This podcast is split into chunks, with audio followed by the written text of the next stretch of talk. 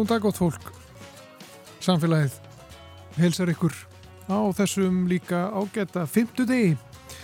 Það er komin 25. ágúst og við sitjum hér Guðmundur Pálsson og Þórhildur Ólastóttir. Við ætlum hér í byrjun þáttar að skoða viðhorð Íslandinga til aðgerða í loftlagsmálum. Hvað heldur almenningur að þessar aðgerðir skili? Er fólk almennt til í að fórna eigin hægendum og lífstíl fyrir framtíð Treystu við stjórnmálum og stopnunum til að breyta rétt? Við rínum í þetta hér eftir með tveimur félagsfræðingum sem flytja fyrirlestur um þetta og ímislegt fleira á ráðstefnu sem stendur nú yfir í Háskóla Íslands.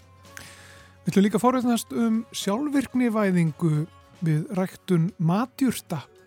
Sprótafyrirtækið Surova fekk á dögunum styrkur matvælasjóði til að fullgera tækni sem gerir slíka ræktun allsjálfvirka. Allt frá sáningu til pakningar. Tómas Helgi Hjartarsson er framkvæmtastjóri Surova og hann segir okkur meira um þetta. Og svo eru það góðstöðunar. Já, þó þar sé engin virkni núna Eh, þá vilja margir berja nýja raunnið augum og leggja leiðsína í Merardali. Og þrátt fyrir enga virkni eru ímest tilmæli og reglur í gildi á svæðinu. Hjördi Skuðmustóttir samskiptastjóri Almannavarnadeildar Ríkislauruglustjóra segir okkur frá þessum reglum og tilmælum á eftir. Og svo er umhverfispistill í lok þáttar að þessu sinni frá Stefáni Gíslasinni. Þetta er fyrsti umhverfispistillin eftir sumulefi. Gott að vera komin aftur. Já, en viljum að byrja? á loftlagsmálum.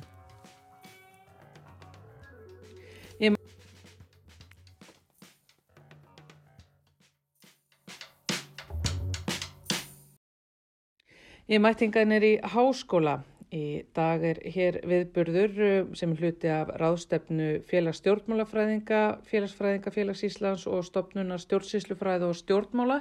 Og yfirskrift þessa viðburðar í dag er ungverfisvá, sjálfbærni og ungverfisvitund og ég er sest hérna með tveimur konum sérstaklega til þess að skoða og velta fyrir okkur viðhorfi almennings til uh, loftlags hamfarana hvaða augum lítur almenningur á þetta, hvernig uppljóðu þetta kakvar sér og um, ætlaðu að gera eitthvað og þá hvernig. Það eru sestar hérna hjá mér Sigrún Ólastóttir sem er profesor í félagsfræði og Sólilja Bjarnadóttir sem er doktorsnemi í félagsfræði, doktorsnemin hennar Sigrúnar og þær eru báðar með eh, fyrirlestur hér í dag. Sælar báða tvær. Já, sæl. Hæ. Sko ef við byrjum á, á þér Sigrún, það er þetta með viðhorf almennings til loftlagsmálana. Þetta er eitthvað sem hefur verið kannad og þú tæpir á í, í þínu fyr, fyrirlestur í dag, ekki satt? Jú, við erum auðvitað í félagsvæðin stöðugt að skoða viðhorf til ímissamála og það er auðvitað oft þannig að við viljum vera að skoða þau málefni sem eru kannski svona hæst á baui og ég sem sagt tek þátt eða leiði þáttöku Íslands í tveimur alþjóðlegum rannsóknum þar sem að sjónum hefur verið beitt að loftlagsbreytingum annars vegar í European Social Survey árið 2016 og svo núna 2020 í alþjóðlegu viðhorfakonunni eða International Social Survey Program þar sem að sem sagt var í rauninni bara skoðað umhverjusmál almennt mm. en líka með sérstakka áherslu á loftlagsbreytingar þannig að þarna er Ísland einn af, ætla að sé ekki 40 lönd sem að leggja konuna fyrir. Já. en gögnin er alveg ný. Við fengum íslensku gögnin í hendurnar sennilega fyrir svona næstum því ári. En við erum núna komin með sem sagt hvað það eru 14 lönd sem á þegar fleiri eftir að bætast við. Þannig að þetta eru svona alveg nýjar niðurstöður en það auðvitað líka kannski gerir það verkum að þetta er ekki alveg eins fullunnið og þegar við verðum komið með gögnin og byrtar greinar. Þannig að þetta er svona kannski verið að sína okkur aðeins bara svona innlit yfir inn í hvað við erum að sjá og hvernig viðhorfin er á Íslandi. En það er e e e eitt og annað sem er svona, uh, dregur upp ákveðna línur og þú getur svona farið yfir helstu atriði. Já, það er náttúrulega mjög stór spurning að fara yfir helstu atriði í svona uh, stórum könnunum uh, en við erum með þetta að bæði að skoða bara hreinlega hvort að við trúum á loftlagsbreytingar og það er kannski svolítið áhugavert hér á Íslandi.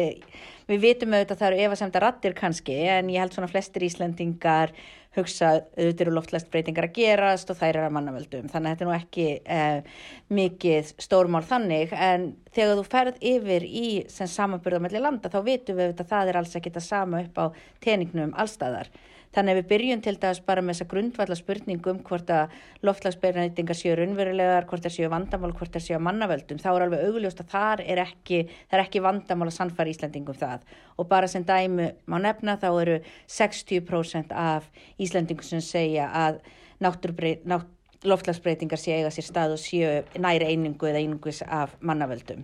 Þannig að við sjáum sko það er aðeins eitt land sem er á undan okkar finnar eru aðeins herrin við en við sem sagt komum nummer tvö og síðan eru svona lönd þar sem úrst að sjá þetta í kringu 60% eins og Sviss og Þískaland en við sjáum það alveg fara niður í 34 til 37% í löndum eins og Rúslandi og Filipsegjum. Já það sem að þau bara afneta loftlagsbreytingum bara. Nána. Stór hluti uh, almennings gerir það og þarna verður að hafa í huga við erum aðeins komum 14 löndinn Við erum komið Norðurlöndin þannig að þar sjáum við náttúrulega mikla trú en við til dæmis segum eftir að fá inn bandaríkin sem að verður mjög áhugavert að sjá hvernig þau koma út. Og svo eru þetta líka mikilvægt að skoða að í fyrsta legjur Íslandingar háir þegar kemur að uh, trú á láftlagsbreytingar á mannaveldum en þeir eru líka mjög lágur þegar kemur að afneita þeim því að það er alveg stór hluti þá verulegu hluti þeir sem er ekki í þessum 60% er í raunin að segja að þær er að gerast en það geta bæði verið orsakara manna og eðlilegum náttúru. Mm. Þannig að þetta er ekki náttúrulega 5% sem í rauninni segja sér annarkvært ekki að gerast eða það séu bara eðlileg, uh, bara eðlileg þróun í náttúrunni. Þetta hlutfall sjáum við 20-25% sem öðrulöndum. Mm. Þannig að þetta er raunin að skoða uh, á báðum þessum endum. Þannig að þar uh, augljóslega sjáum við að við trúum á loftlagsbreytingar en síðan eru við líka að spurja um hvað við sjáum sem staðstu vandamálinn sem að okna þjóðinni og þar til dæmis sjáum við við berum saman gögnin frá 2010 sem við söpnum þessu líka yfir í 2020 að við sjáum að þar eh, er staðsta hlutfalli sem að segir að eh, heilbreyðismálinn séu staðsta vandamálið eh, en við sjáum að umhverfismálinn eru þau sem hafi rauninni aukist mest að þau séu nefnd sem mikilvægast eða næst mikilvægast að málefnið á milli 2010 og 2020 og árið 2020 eru það 25% þjóðurinnar sem setja umhverfismál annarkvort í fyrsta eða annarsæti þegar kemur að mikilvægastu málefnum sem þjóðin stendur frammefyrir sem vandamálum. Og ef við förum að stýpri að skoða nákvæmlega hvað við eigum við með umhverfismál þá sjáum við þar að þar hefur bara orðið mikið stökk á þessu tíu ára tímabili yfir í að fara frá því að það séu um 13% sem að segja að séu loftlagsbreytingar yfir 43% og þar í rauninu hafa loftslagsbreytingarna tekið við af því sem við höfum áhugir af 2010 sem var þá ofnýting náttúrauðlinda. Þannig að þarna sjáum við mjög stórt skref og í rauninu getum við sagt að við höfum umhverfismálum og mjög stór hluti þjóðarinnar hefur áhugir af loftslagsbreytingum þegar þeir tala um að hafa áhugir af umhverfismálum. Þú ert að segja að viðhóru breytist mjög hratt, það eru fleiri og fleiri að... Já, viðhóru hefur breyst, sérstaklega gagvart að taka út loftlagsbreytingar sem auðvitað kemur okkur ekkert á óvart, ég menn ef við hlustum á umræðuna uh, og svona hvernig síðustu tíu árin hefur þróast varðandi hvaða hluti það eru sem við hefum hafa áhugjur af, uh, en við sjáum á þessu tíu ára tímabili þá er það alveg greinilegt og ef við tökum til dæmis bara því að heilbreyðismálin eru mjög brennandi, en síðan sjáum við til dæmis hluti eins og uh, efnahagsmálin og mentamálin, mm. þar hefur dreyið úr hlutfalli þeirra sem segja þau séu mikilvægust. Þau eru ennþá mjög há en það hefur dreyið úr hlutfallinu. Umhverfismálin er það sem kannski var meira svona málefni sem var meira á jæðrinum, það var kannski pólitískara sumuleit og við sjáum það alveg, ég meina það er ástæði fyrir að við byrjum með vinstri græn sem að fara að leggja sérstaklega áherslu á sem sagt umhverfismálin. En núna ef þú skoðar stefnu allra stjórnmálaflokkana þá að sjálfsögur hún er einhverju leitt inn í hjá þeim öllum og ekkit endilega kannski vinstir grænir sem eru grænastir ef við hugsaum það þannig. Þannig að við getum kannski hér séð dæmi um málefnu umhverfismál uh, loftlagsbreytingar sem hafa farið svolítið frá því að vera svona sérmál sem að ákveðnir aðilar eða ákveðnir stjórnmálaflokkar hafið áhuga á yfir í að vera bara meira svona mainstream að þetta sé bara eitthvað sem flest okkar hafa áhugjur af og eitthvað sem við verðum að taka alvarlega.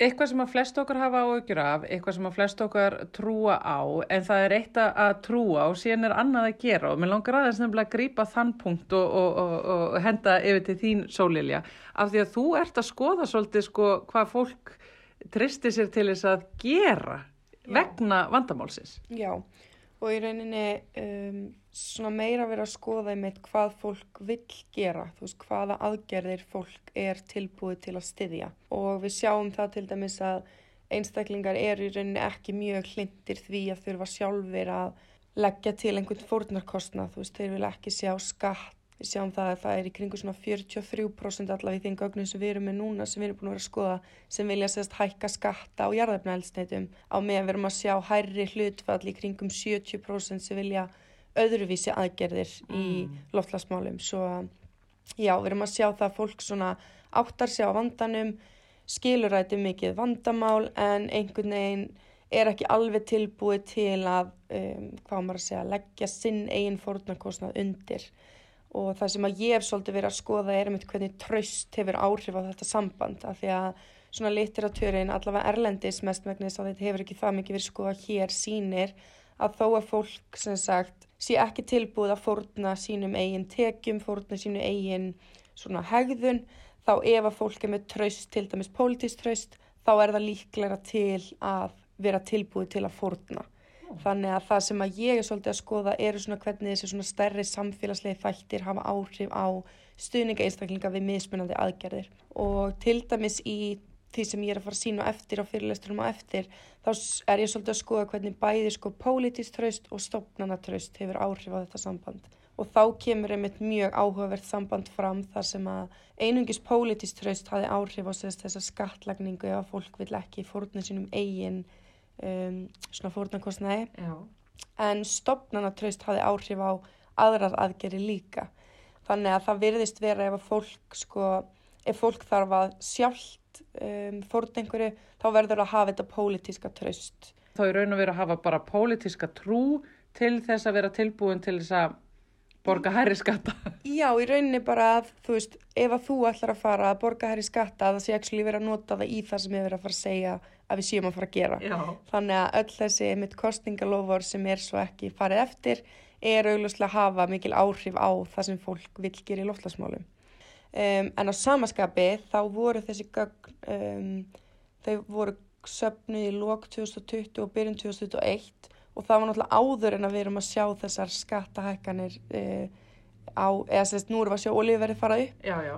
Þannig að það er í rauninni ótrúlega áhugavert það væri ótrúlega áhugavert að sjá hvar við þorfum við núna eftir að þessi skatta eða þessi jarðarfnælsindi hækkun var um, en í rauninni sjáum við það þá var í rauninni fólk en svo á samanskapi eins og ég var að segja það var einungis 43% sem voru að styðja þessar skattahækkanir þannig að e, við erum að sjá það að það er þó að sé þetta pólitíst tröst sambandi í gangi þá samt eru færri sem eru tilbúin í þetta einstaklingsframtak mm.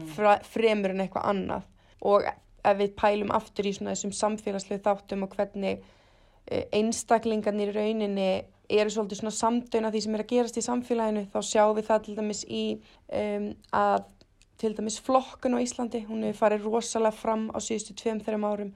Það er ekki einstaklingsframtaki að drífa það áfram, það eru þú veist við erum komið núna með flokkun og tunnur eins og heldur Kópavói fyrir fram á hvert hús. Mm -hmm. veist, það er svo takmarka hvað einstaklingandi geta gert ef að þau sem eru fyrir ofan eru ekki að gera eitthvað.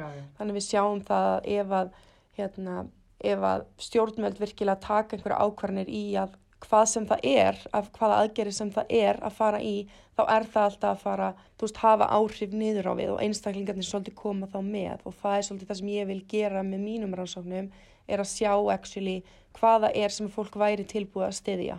Þú veist hvaða aðgerðir það væri sem myndi þá actually virka. Af því auðvitað ef við sjáum einhverja aðgerð sem að eins til dæmis allt í einu myndi hækka ólíuverð um ég veit ekki hvað mikið. Veist þetta við viljum auðvitað skapa sátt um þær aðgerði sem við fyrir að gera. Veist auðvitað viljum við geta lifað áfram í samfélagi sem okkur lífi vel í. Þannig að það er svolítið sem ég vil svona sjá við þorfið áður en að kannski er farið einhver aðgerði sem að kannski virka svo ekki. Ég veldi fyrir mér, eru sömu trend að byrtast í, í þessum svona viðhorfum og, og, og mögulegum aðgerðum uh, við loftlagsmálunum og eru gagvart öðrum málum? Við viljum hafa funkarandi heilbyrðiskerfi en við viljum kannski ekki borga allt og háa skatta. Við viljum að allir komast inn á leyskóla en, en við viljum hafa látt útsvar. Ég veru náttúrulega ekki beint að skoða það því að við erum hér að skoða umhverfismálinn uh, sérstaklega en við sjáum náttúrulega kannski sama svona svolítið grunninn og ég held að sé ekkert kannski rétt að segja við viljum ekki borga skatta, heldur sé kannski punktur meira við viljum vita skattarnir okkar séu að fara í eitthvað sem að skiptar máli Já. og við sjáum auðvitað hér á sumuleiti kannski sem Sólilja var að koma inn á er að Íslandingar svolítið hugsa svona eins og félagsfræðingar að þeir vilja sjá þetta stóra samfélagslega samhengi og það er náttúrulega svolítið sem félagsfræðin er að benda okkur á er í rauninni að við munum ekki leysa umhverfisvandan á þann hátt að við ætlum bara að breyta hegðun einstaklinga. Þetta er miklu, miklu flóknara, einstaklingar eru til og þeir haga sér og hugsa í félagslegu samhengi. Og það er einmitt annað sem við skoðum þá hér sérstaklega sem er þá bæði hvaða aðgerðir uh, fólk og einstaklingar eru tilbúinir að almenningur er tilbúin að uh, leggja og þar til dæms erum við með spurningu þar sem er greint á milli þess hvað fólk vil að fyrirtæki geri og sem að fólk vil að einstaklingur og fjölskyldur geri og þá er til dæmis spurt um hvort að þú tellir að sé gaglegast í stefnumótun að vera annarkvort með háar sektir á þá sem að skemma umhverfið, hvort að þú viljir hafa í rauninni skatta ívilnanir fyrir þá sem að vernda umhverfið. Og svo að lókun sem væri þá kannski svona þetta mest einstaklingsbundna er bara eigu auka mentun og upplýsinga til að sína fram á hver var ávinningur af því að vernda umhverfið og þar til dæmis sjáum við mjög stert að það sem almenningur á Íslandi vil gera er að þeir vilja, eru hrifnastir af skattaívilnunum fyrir fyrirtækin þannig að þeir vilja frekar í rauninu svona hvetja til góðrar hegðunar heldur hún að refsa fyrir slæma hegðun en uh, lægsta hlutfallir rauninu vilja gefa upplýsingar og svoleiðis til fyrirtækja og yðnaðar. Það snýst við, snýst við þegar við skoðum einstaklingana. Þar eru tiltöla fáir sem að vilja sektir, einhverju vilja verðluna, en þar sjáum við svona upplýsingarnar og mentunin skipti mestu máli. Ég held að þetta sýnir svolítið þennan, þennan hugsunarhátt sem félagsfræðin kemur fram með og er algjörlega grundvallar atrið í þessu að við getum ekki skoða þetta sem einstaklingsbundið uh, vandamál, við getum ekki skoða samfélagi sem að þú veist við erum bara með x marga einstaklinga og ef allir einstaklingin í samfélaginu endurvinna þá erum við bara búin að leysa það tiltekna vandamál. Heldur kemur þetta ofan að einhverju leiti, þetta er náttúrulega alltaf samspil einstaklings og samfélags og þá verðum við að hugsa til dæmis hvernig geta í rauninni einstaklingar haga sér á þann hátt sem að við myndum segja að vera umhverjusvæði og þar til dæmis kemur sem dæmi og ég hef oft hugsað um það að ég var miklu umhverfisvætni að sumuleiti í Þískalandi 2005 heldur en jafnvel í Reykjavík 2020 og hluti var það að þjóðverðinni gerði það afskaplega auðvelt fyrir mig að vera umhverfisvæn þetta snemma. Já. Þannig að þá ert alltaf að hugsa um það í raunin hversu mikil fórnarkostnar er það fyrir einstaklingin sem að uh, er lagður á, á fólk. Þess vegna er rannsóknir þín, Sólilja, svo rosalega aðteglisverð að því að þú ert að finna í rauninni hvaða gullrætur virka til þess að teima fólk mm. og stopnarnir og bara samfélagið í heilt áfram. Yeah. Vist, ef ég væri stjórnmálaflokkur þá myndi ég kaupa þessa niðurstöður að þér. Þá, þá myndi ég náttúrulega klálega að segja nei því að ég myndi ekki um, vilja selja rannsóknir minn til einhver stjórnmálaflokka en hérna, e, já, bara klálega og þú veist, í rauninni líka bara því að þetta hefur Veist, þetta er náttúrulega, auðvitað vitum við að loftlansbreytingar eru vandamál en við erum samt alveg að sjá það að þetta er orðið bara svolítið aðalmálið í dag. Þannig að það er rosalega mikilvægt einmitt að setja fram ræðsóknir sem virkilega geta sagt okkar eitthvað um þetta. Því að manni finnst oft fólk við bara já þú veist það eru loftlansbreytingar og veist ég er að flokka og, og ég er frábær þú veist. Það er ekkert nóg skilur mig. Þannig að að gera actually rannsóknir hér á landi að það er náttúrulega ekki mikið um rannsóknir um þetta hér á landi það er náttúrulega meira erlendi sem þetta hefur skoða til dæmis og viðhorfa svona já. að já, svolítið bara svona opna hurðina þar að þú veist við þurfum að fara virkilega að skoða þetta og hérna sjá hvað við getum gert og þá er einmitt þetta stuðningur við mismundi aðgerri sem alltaf er svona mest praktískasta sem við getum í rauninni skoða núna því við þurfum einhverja aðgerri og hvaða svo sem aðgerri það eru þær þurfa bæði að veist, vera eitthvað sem einstaklingar geta þá, tekið þátt í og virkilega virka þannig að já, það er svolítið það sem ég er svona að reyna að gera.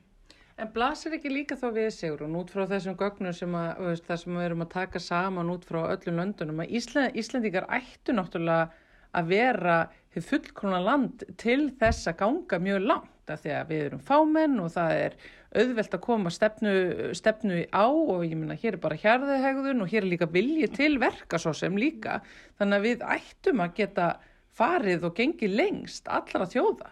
Algjörlega og ég held að við verðum náttúrulega hér að hafa það í huga við frá almennings er aðeins sluti af myndinum hvað í rauninni gerist og almenningur hefur mikil áhrif og getur haft mikil áhrif en við vitum líka að fyrirtæki og yðnar hefur mikil áhrif, við vitum að stjórnmálaflokkar og stefna hafa mikil áhrif og ég held að sumur stjórnmálaflokkar myndu kannski ekkit vilja kaupa gögnun okkar þá eins og Sólílega segir, þá erum við alls ekki að fara að selja vísindavinnu.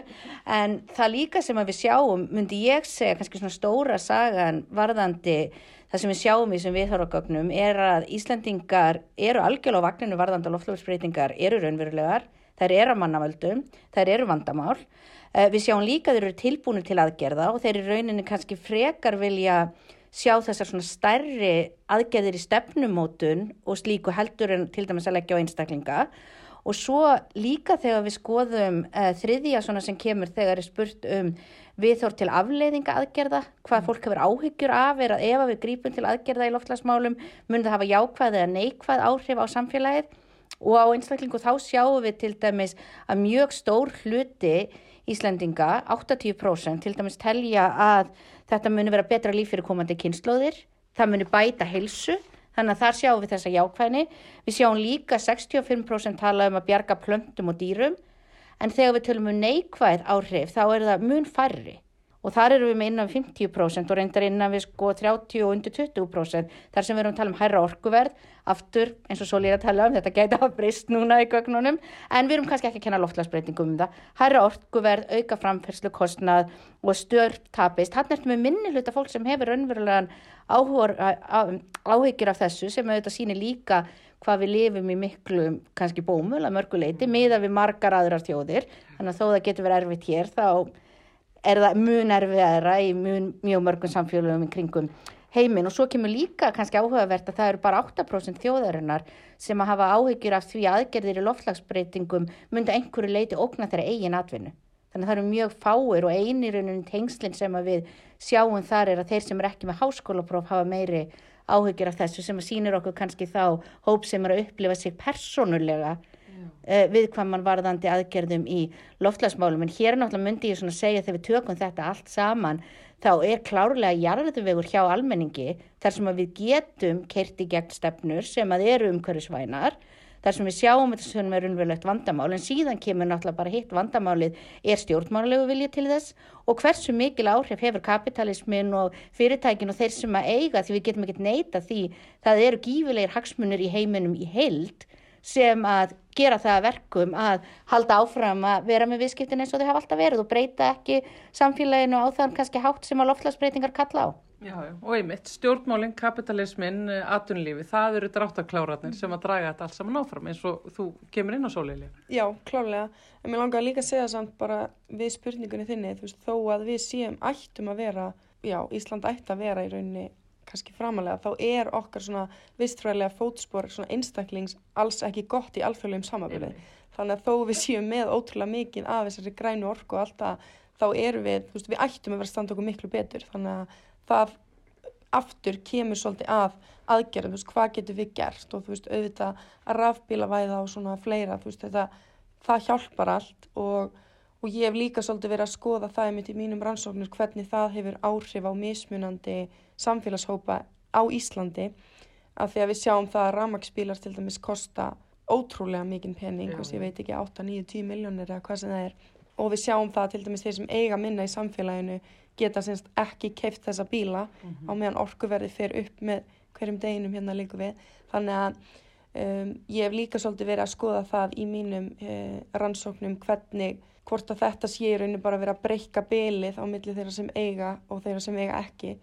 E, þannig að það verður einhvern veginn, það er líka svolítið challenge fyrir stjórnmjöld að ná að rafbíla væða án þess að þeir sem að eiga mest getu, er séu einu sem að hérna, geti keift þessa bíla. Það er svolítið sem ég verið að skoða og það er talað um sagt, réttlót umskipti. Þetta er sagt, að þessi Já, þessi, þetta skref okkar í átt að græna samfélagi og að það þurfa að vera semst byggt á réttlæti og mm. það er líka svolítið svona punktur í þessu að þú veist, auðvitað þurfum við mjög svona drastik aðgerðir og við þurfum virkilega að breyta einhverju en hvað sem að stjórnveld ákveða að gera þá verður það að vera byggt á réttlæti. Vák, þetta er áhugavert og, og við verum að setja bara komu við þetta umræðu efni eh, hér því þau, ég þarf að hleypa aft, ykkur aftur á ráðstefnuna. Sigrún uh, Ólastóttir, professor í félagsfræði við HÍ og Sólilja Bjarnadóttir, doktorsnemi með afar skemmtilega rannsókn framöndan sem við eftir að heyra meira af hér í samfélaginu. Takk fyrir spjallið.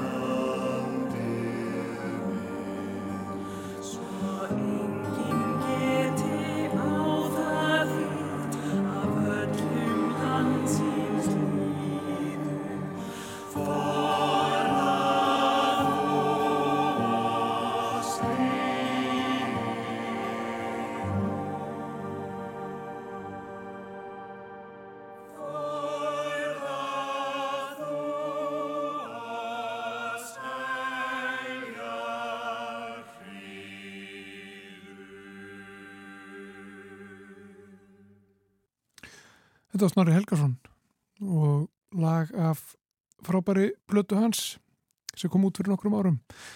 Blötu sem heitir Martby í þokunni, lagið heitir Grasaferð.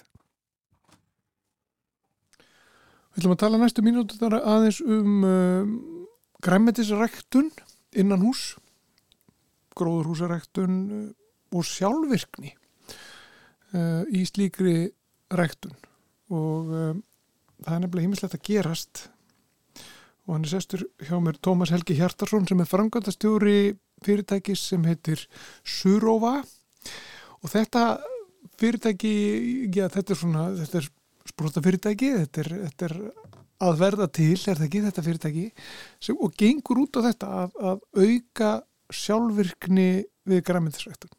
Jú, mikið rétt. Þess að útfærum græmiðisrækt innan dýras í mjög smáum skala þar sem við nýtum plásið eins vel og við getum og við gerum það með því að nýta okkur róbota og þá við notum enga starfsmenn í framleiðslunni þannig við förum úr frægi allaveg að afurð til að fara inn í verslun. Já, þetta er hugmyndin og hvað er þið komið langt með þetta? Við erum með tilbúna prototípu í stöðunum okkar og erum núna að fara að setja upp okkar fyrsta alvörutæki. Já, og hvernig kviknar svona hugmynd og hvað er þetta langt ferli einhvern veginn að- koma þess að þennan stað? Það, þetta er alveg mjög langt ferli. Það var pappi mengi eftir gróðurús 2015 og þá var ég eitthvað svona plöndur. Það er kannski ekkit eitthvað rosalega spennandi fyrir mig. En svo tveim árum setna þá fer ég í háskólanám og þá allt í henni byrja ég að köpa með heimilisplöndur og bara hún fer að vaksa rosalega vel og bara, heyrðu, þetta er alveg fyrir áhugavert. Það er gaman að sjá þetta. Og þá, hérna, fer ég í vísindaferð með, í skólanum í Völku og það er félagi menn Þóruði Jónsson. Við förum eitthvað að spjalla og þá bara, við höfum báðir mjög áhuga á grænmitsrækt og báðir mjög mikið áhuga á sjálfstýringum líka.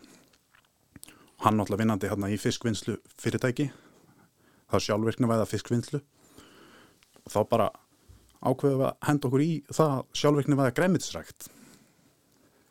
En hver, hver er staðan uh, í slíkri rektun annars? Uh, það, það er einhver sjálfvirkni að það ekki nú þegar til staðar. Jú, jú, það er alveg verið að sjálfvirkni væða mikið að ferlinu og margir komni með mjög fá starfsmenn í framleiðslu en mest öll sjálfvirkning kemur frá útlöndum, er hönnuð í útlöndum. Það er ekkert svona fyrirtæki sem kannski sérhæfi sig hérna heima. Já, og kannski ekki á alveg svona jafn háu leveli og við erum í sko. og, ef- og við erum að tala um bara, ég er það ekki bara alveg frá sáningu og bara pökk, að pökkun í rauninni, hvað, það er allt ferlið. Við sáum fræin og við tökum líka plöntuna, ræktum plöntuna, tökum síðan plöntuna og pökkum því og það er bara tilbúið til að fara til dæmis inn í hérna, veitingastað eða tilbúið að fara inn í búð eða allt saman. Og þetta er mjög lítil tæki, við getum stærðin á þessu er svona 40 feta gámur og við getum staðsett það út um allt á landinu. Jáhá, og hvað anniði miklu í, í einum svona gámi? Er þetta að meta það eitthvað? Við erum að, eh, sko, framleiðslu getan er á mánuði er svona 700 til tonn á mánuði, 700 700 kíló. kíló til tonn af þá hverju? sko bara svona, við ætlum að byrja einfallega á svona græn vöxt, salati, spínat, uh, jurtir Mm og krydd, alls konar svona. Já, og þú ert nú með hérna, uh, þú tókst með þér hérna e, sínisvotn af því sem það er verið að rækta. Já, ég kom með smá sínisvotn, það er, Þetta virkar nú bara hansi, lítur mjög vel út, verður maður að segja. Já, við erum með spínat, Já, við erum með dill og svo erum við með kóriandir. já, skulum sjá. Já, Það er mjög mikið lykt af kóriandir. þetta er mjög samfærandi, allt saman. Má maður smakka spínatið? Já, endilega. Er það? Skulum sjá.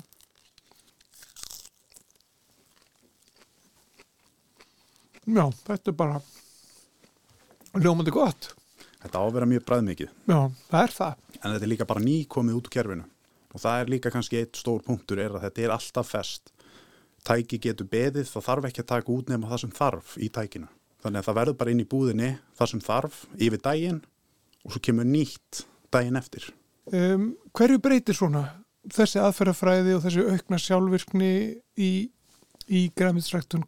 Breytir þetta, þýðir þetta að það verður hægt að rækta fjölbreytara græmiti, fleiri tegundir eða þýðir þetta meira, meiri framleyslu getu ferskara? Já, ég myndi segja að það væri sko til að byrja með allavega ferskara út af því að eins og Ísafjörður það er engin ræktun þar í raun og veru. Þeir fá flutt alltaf og við höfum alveg talað við fólk á Ísafjörði þá getum við verið með ferskgræmitið þar. Þetta er svona mjög stert fyrir dreifbílið. Ekkit endilega kannski Reykjavík því að það eru svo margir staðsettir hérna en þetta byrjar allavega að styrkjast þannig og síðan myndi þróunin fara áfram veist, við erum alveg með langtíma markmið að fara út í aðra vörur og sjálfvirkni væða þá til dæmis jarðaberjarækt það er minn draumur. Já, já. Og það er þá sama tækni eða hvað, eða mjög svipað. Já, þá við getum þá bara þróað búnaðin aðeins öðruvísi. Náttúrulega jarðaberjarækt er enga minn sambærilegt sko. En það væri við bara að bæta eða breyta núverandi þekkingu En, en sko þegar að þú segir að, að það, þetta er alveg sjálfvirt frá bara sáningu til bökkunar í rauninni, þarf þá aldrei manneski að stíga það inn?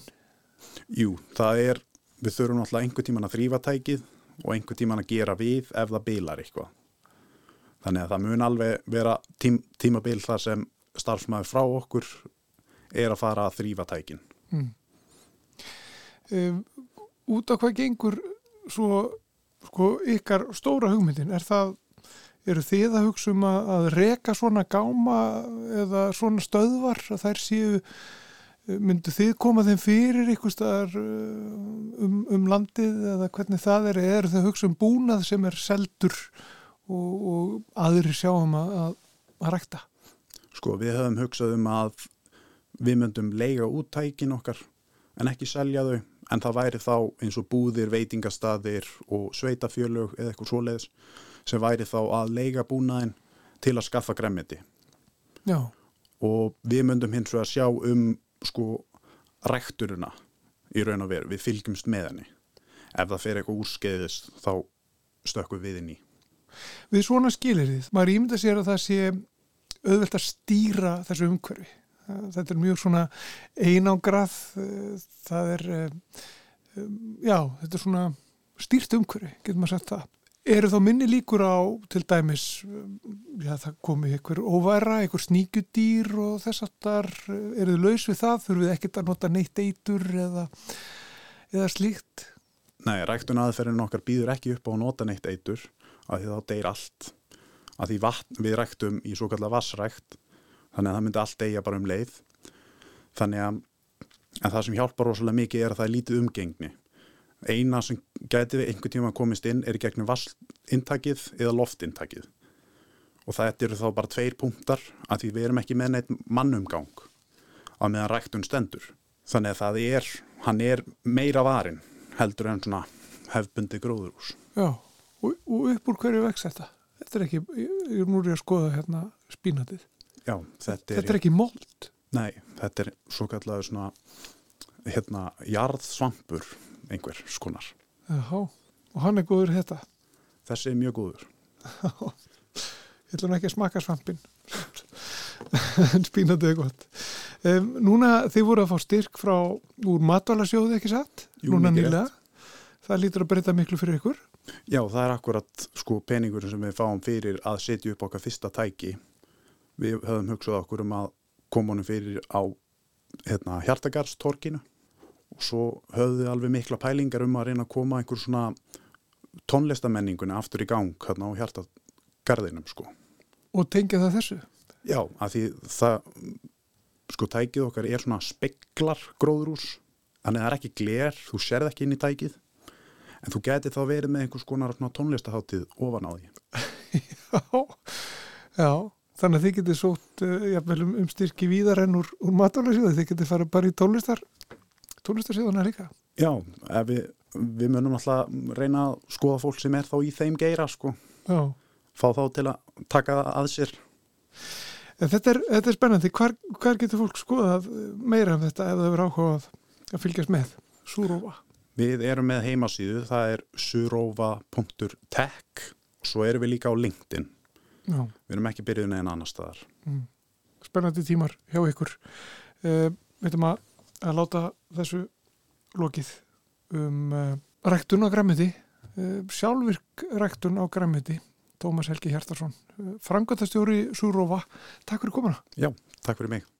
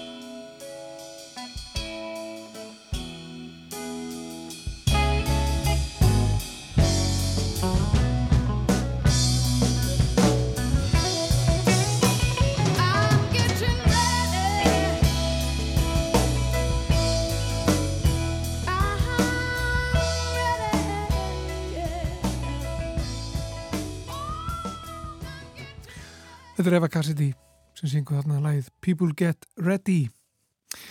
En e, viðbrasaðalar funda enn reglulega, gott ekki daglega, um stöðumála á górstöðunum í meradölum. Þó þar sé nú, já, lítil sem engin eldvirkni og engin hreinlega. E, og það er ímist tilmæli og reglur í gildi á svæðinu. Hjörti Skuðmustóttir samskiptastjóri almannavartandeilla ríkislörglustjóra er símanum kontur sæl. Blessaður. Það þykir ástæð til að vera áfram á tánum með ekki þó að sé engin virkni núna á góðstöðunum. Jú, það er svolítið þannig. Við erum náttúrulega bara alltaf að tannum, eins og þú veist. En þegar þú ert með eldstöðu eins og þessa í méradölum, þó hún sé ekki núna að spúa eldi, þá er hún ennþá þarna til staðar og, og engin veit svo sem, ekki fyrir fyrir daginn, hvort að þetta hefst aftur eða eitthvað. Þannig við erum ennþá að funda og allir þessi viðbrastæðilar funda eins og segir á hverjum degi, en það var svo sem uh, viðbúið það svona bara, þeim fundu bara að fækka. Já. Hvað er það helst núna sem að, sem að þarf að, gæta að á svæðinu? Já, það sem kannski er helst er náttúrulega bara færðin af þessu svæði, ofta því náttúrulega ve- veðrið sem að það var mjög vakandi fyrir, þess að það er veður vont þarna þá er ekki stiður til neitt að vera á stanum. Lörgurstjórn á sviðinu sem ákveðum líka gæra að banna þar heimlega að ganga á hreinunu, það væri ekki örugt. Bæði er það ekki síst fyrir viðbrasaluna að hjálpa fólki ef það lendir í einhverjum ógöngum þar á hreinunu. Þannig að það má segja, segja það sér svona helsta að raunir sjálft er talið hættulegt uh, og veðrið þegar það er ekki að gott á í dag og svo kannski gaman að segja frá því að í gær þá náði þessir aðla sem er að búa til hennar stíg fyrir okkur til þess að geta komið þetta klakklust á að, að algósinu eða að staðnum að það er búið að stígurinn er eins og sagt það í gerð, það var búið að ná saman Já, sem er frábært fyrir ekki síst eins og við hefum bara heitt í flettum að margir er að meða sig á þessari leið einmitt. og með stígagerðinni þá eigum við vonaði að færri og færri meði sig. Já. En er fólk uh, ennþá að koma? Er ennþá svolítið trafík á svæðinu? Já, þetta þykir náttúrulega en þá bara spennandi að sjá þetta svæði, ekki síst náttúrulega fyrir þá erlendu ferðamenn sem er á landinu og án ef að ykkur sem að pöntuðu sér ferð til að sjá eldgós en, en sjá ekki alveg allt saman sem, að, sem var hann á staðnum. Þannig já, við erum ennþá að fá fullt af fólki á staðin Já, og þarna þarf ennþá að stýra umferðinni og þarf ennþá að stýra og bara að fólk komi sér niður og, og, og sér framvegis. Þannig að það er raun og verið ennþá raun og verið miklu, miklu, miklu færri sem er að fara en það er samtalið fullt af fólki. já. Uh, gas, uh, þarf eitthvað að ágjöra því?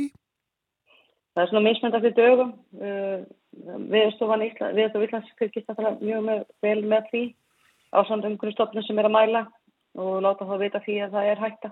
En svo við heyrum kannski öðru kóru að í hvað átt gasið er að fara en, en það er náttúrulega eins og gefur að skilja minna núna. En aftur er þetta bara eitthvað sem að þó að við séum með miklu færra fólk sem er að fara þá þurfum við áfram að fylgjast með. Já. Um, það er líka talað um sko í, í tilkynningum frá, frá viðbrasaðanum eða frá lauruglustjórnum þarna á, á suðunisum að e, það er talað sérstaklega um utanvegakstur. Já, það er einmitt búið að vera náttúrulega eins og gefur að skilja og allir ekki á tími til sér, það er mikið vandamál.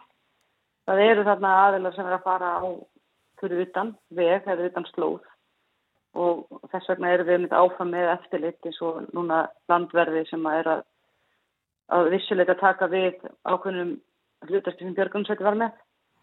Að láta fólk vita hvar ekki á að vera og hvar á að vera og láta vita bílnúmer og annað sem er þá að gera það sem ekki má.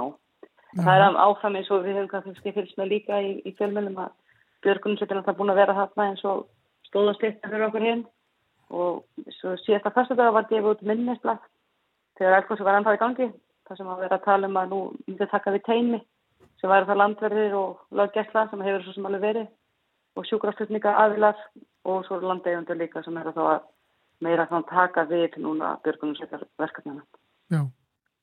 En almannavarnir uh, og, og þessi viðbrasaðalar allir þið fylgist áfram með náttúrulega Um, það, það er skamt stóra högg á milli, það er ekkert langt sen að góðist þarna. Uh, fyrst uh, þannig að þið, þið haldið áfram að fylgjast með eða hvað? Og er, og er eitthvað svona er eitthvað stig, er, er eitthvað óvissu stig eða eitthvað slíkt ekki áki? Já, þarna lastu hugsanir og spurðir eftir spurningana. Uh, eins og alltaf. Við erum ennþá að vinna einmitt á, á hættu stig almannavarna, það er ennþá það eru þessi þrjú stig almannavarna sem er það óvissu stig, hættu stig og neyðastig og þegar eldgós hefst þá fórum við á neyðastig, svo fórum við niður á hættustig þegar við vissum meira.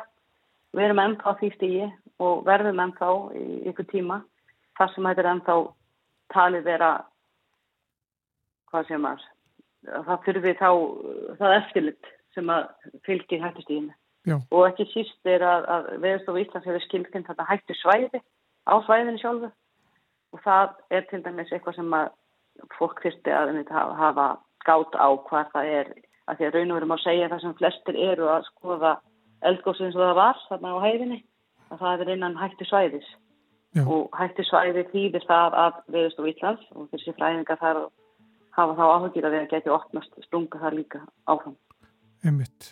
Þannig, að- og engin eins og alltaf í þessari vinnu þá veit engin þá getur það gerist Nei, nákvæmlega. En Hjördís Guðmundsdóttir uh, samskiptastjóri hjá Almanvartandeld Ríkislörgustjóra, takk fyrir þetta og við hvetjum fólk til að fara varlega og fylgjast með og fara bara eftir öllum reglum og tilmælum. Er það ekki, er það ekki best? Segjum það. Takk hérlega fyrir Takk,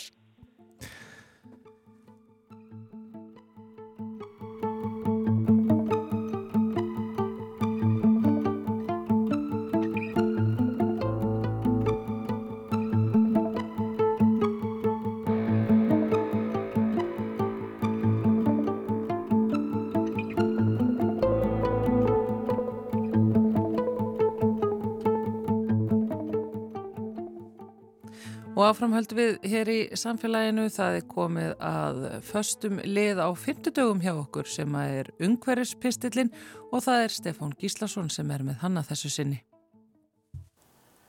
Nú er haustið að nálgast og það þýðir meðal annars að nú er komið tími á fyrsta umhverfispistilin í samfélaginu að loknum sumarlefum. Reynda benti einhver mér á það um daginn að haustið veri ekki fyrst að koma núna, heldur hefur það komið í hverju viku í allt sumar. En hvað sem því líður er eðlilegt að á þessum tímapunkti verði manni hugsa til helstu umhverfisverkefnana sem takast þar á við og vetri komanda. Umhverfisverkefnin framundan eru ekki öll auðveld, allavega ekki verkefni sem býða íslenska stjórnvalda.